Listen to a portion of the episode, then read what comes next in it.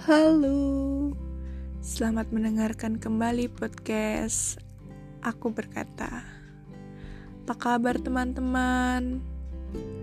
Bagaimana hari ini? Ada kegiatan apa hari ini? Capek enggak? Atau biasa saja?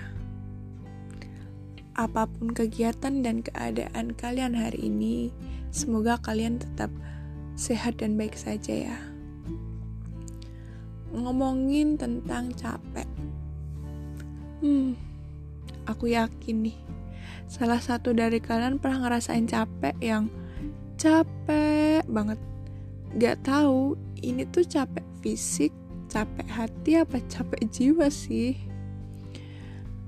Seakan-akan kalian merasa di titik yang sahabat, pacar, bahkan keluarga pun tidak peduli dengan kalian dan alasan kalian capek pasti beda-beda juga.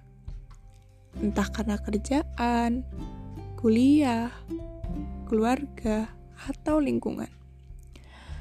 Sampai pada akhirnya kamu ingin menyerah, ingin berhenti dan mengakhiri, tapi tidak tahu bagaimana cara mengakhirinya.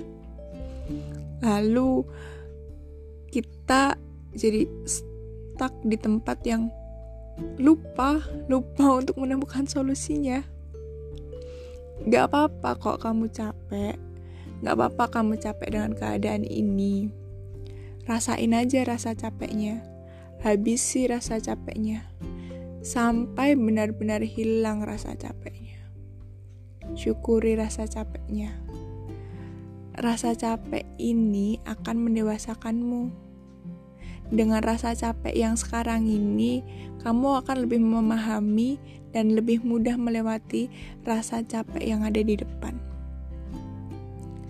Bersyukurlah dan percayalah atas rasa capek yang kalian dapat hari ini, karena bisa saja itu bagian dari proses yang nanti akan kalian tuai hasilnya.